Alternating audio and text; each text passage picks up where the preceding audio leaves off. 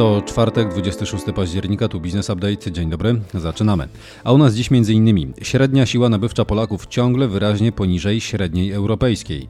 Sąd Najwyższy wprost o sposobach sklepów na handlowe niedziele. To obchodzenie prawa. Stany USA pozywają właściciela Facebooka i Instagrama. Chodzi o zdrowie psychiczne młodzieży. Business Update. Zacznij dzień z przewagą. Na początek podsumowanie rynków. WIG20 wzrósł wczoraj o 1,8%. W głównym indeksie pod kreską były tylko Pepco i Allegro. Wczoraj nieco osłabiał się złoty. Za dolara trzeba było zapłacić 4 zł 24 grosze, a za euro 4,48. Gospodarka i makroekonomia. Wynik październikowych wyborów parlamentarnych rodzi ryzyko kontynuacji luzowania polityki fiskalnej oraz osiągnięcia wyższego poziomu deficytu, oceniają analitycy City Handlowy.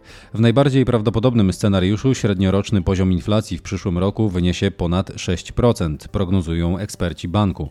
Do wzrostu inflacji o 0,9 punktu procentowego w przyszłym roku przyczynić się może ewentualne zniesienie zerowej stawki VAT na żywność, ocenił natomiast cytowany przez PAP członek RPP Ludwik Kotecki. Polska poprawiła swoją pozycję na liście siły nabywczej w badaniu GfK Purchasing Power Europe 2023.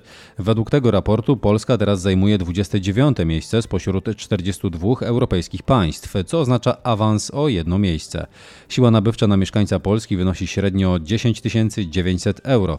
Średnia dla całej Europy to ponad 17 600 euro.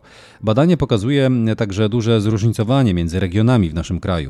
W Warszawie dochód rozporządzalny netto jest prawie trzykrotnie wyższy niż w znajdującym się na końcu listy powiecie kolneńskim. Narodowy Fundusz Ochrony Środowiska i Gospodarki Wodnej rozpoczął nabór wniosków do programu Wsparcie dla sektora energetycznego w związku z cenami gazu ziemnego i energii elektrycznej w 2023 roku. Całkowity budżet wsparcia w formie bezzwrotnej dotacji dla przedsiębiorców to 5,5 miliarda złotych. Do programu kwalifikuje się około 3000 firm. Przedsiębiorcy będą mieli możliwość składania wniosków o pomoc na poziomie podstawowym lub zwiększonym. Bony lub krajowe fundusze naprawcze. Takie zachęty w krajach Unii proponuje Komisja do Spraw Rynku Wewnętrznego. Chodzi o to, by zwiększyć nawyk naprawiania produktów. W listopadzie projektem takiej regulacji ma się zająć Parlament Europejski. Komisja Środowiska Parlamentu Europejskiego zaproponowała swoje cele redukcji emisji CO2 w przypadku autobusów i ciężarówek. Proponowane normy są bardziej rygorystyczne niż te sugerowane wcześniej przez Komisję Europejską i zostały ustalone na poziomie 45% w latach 2030-2034, dalej 65% w latach 35-39 oraz 90% od 2040 roku. Głosowanie w tej sprawie odbędzie się w listopadzie. Informacje biznesowe. Nowym sponsorem polskiej reprezentacji na Igrzyskach Olimpijskich będzie Adidas. To oznacza, że sportowcy będą ubrani w stroje z logo tej firmy.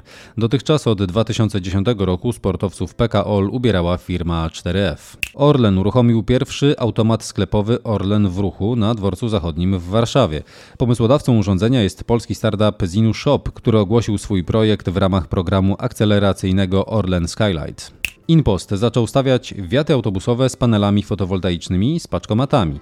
Wiaty są stawiane w mniejszych miejscowościach i wsiach. 79% pozyskanej energii służy zasileniu paczkomatu. Wielka Brytania od 2024 roku zacznie karać producentów samochodów, jeśli co najmniej 22% sprzedanych aut nie będzie napędzana wodorem lub silnikiem elektrycznym. Kara to 15 tysięcy funtów za auto osobowe i 9 tysięcy funtów za dostawcze. W kolejnych latach procent ten będzie rósł 28% w 2025 roku, 80% w 2030 aż do 100% w 2035 roku. Fuzje i przejęcia, inwestycje i venture capital. Dino Polska złożył wniosek do UOKiK o zgodę na przejęcie Ezebra. W ubiegłym tygodniu Dino poinformowało, że zawarło przedwstępną umowę nabycia około 75% akcji wartych około 61 milionów złotych. Ezebra to drogeria internetowa. Aseco South Eastern Europe po niedawnym sfinalizowaniu przejęcia Iften Pay w Portugalii planuje kolejne akwizycje. Spółka zamierza poszukać targetów na rynku Ameryki Łacińskiej z sektora firm działających w branży utilities. Dodatkowo Aseco planuje wejście w działalność e-commerce w Egipcie. Francuski sklep sportowy Decathlon rozważa sprzedaż mniejszościowego pakietu udziałów o wartości miliarda dolarów w swojej chińskiej części biznesu, donosi Bloomberg. Prawo i podatki, Z badania SW Research na zlecenie Banku Pocztowego wynika, że 42% Polaków doznało próby popełnienia przestępstwa finansowego. 7% z nich padło ofiarą takiego przestępstwa. Oszuści najczęściej posługują się SMS-ami, mailami lub przeprowadzają tradycyjną rozmowę telefoniczną w celu wyłudzenia danych lub środków finansowych. Ministerstwo Finansów przedstawiło projekt rozporządzenia w sprawie zwolnienia z obowiązku posiadania kas fiskalnych dla przedsiębiorców. Wynika z niego, że zakres zwolnień pozostanie w nadchodzącym roku taki sam jak aktualnie. Obowiązywać będzie nadal limit 20 tysięcy złotych ze sprzedaży detalicznej jako uprawniający do zwolnienia ze stosowania kasy fiskalnej. Sąd Najwyższy orzekł, że organizowanie w sklepach wielkopowierzchniowych czytelni lub biblioteki dla klientów w celu obchodzenia zakazu handlu w niedzielę stanowi naruszenie ustawy i jest to niezgodne z prawem. 12 stanów USA pozywa koncern Meta, czyli właściciela Instagrama i Facebooka, za przyczynienie się do rozstroju zdrowia psychicznego młodzieży. Chodzi o uzależnienie ich od korzystania z serwisu oraz niewystarczające zabezpieczenia przed nieodpowiednimi treściami. Jak podają media, jednym z zarzutów jest to, że koncern używał takich funkcji, które doprowadziły do przywiązania użytkowników do, do, aplikacji. Poza tym, według pozywających firma miała gromadzić dane dzieci w wieku poniżej 13 lat, co jest złamaniem ustawy o ochronie prywatności dzieci w internecie. Prokurator generalna Nowego Jorku Letit James powiedziała w swoim oświadczeniu, że media społecznościowe przyczyniły się do kryzysu zdrowia psychicznego wśród młodzieży. Teraz ich właściciele muszą zostać pociągnięci do odpowiedzialności. Z analizy BBC wynika, że wobec mety toczą się już setki spraw z pozwów rodzin, młodzieży i szkół. dane i badania rynkowe, O 5% kwartał do kwartału do ponad 16 tysięcy wzrosła sprzedaż mieszkań na rynku pierwotnym w sześciu największych metropoliach Polski.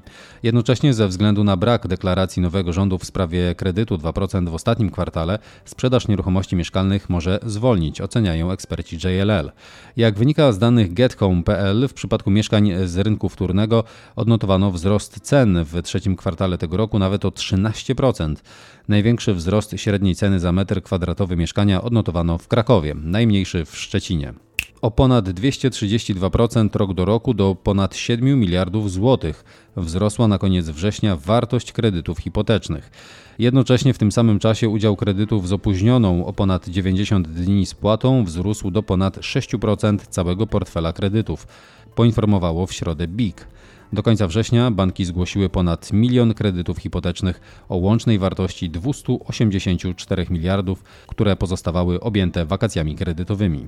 54% populacji świata posiada smartfony, przy czym 49%, czyli 4 miliardy osób, posiada internet za pośrednictwem smartfonów. Z tradycyjnych telefonów komórkowych korzysta z kolei 600 milionów osób. W 2022 przybyło 200 milionów nowych użytkowników internetu mobilnego. Do 2030 roku liczba użytkowników 5G osiągnie około 5 miliardów osób. To tyle w tym wydaniu podcastu Business Update. Więcej informacji, danych liczbowych, a także rekomendacji spółek w naszej prasówce.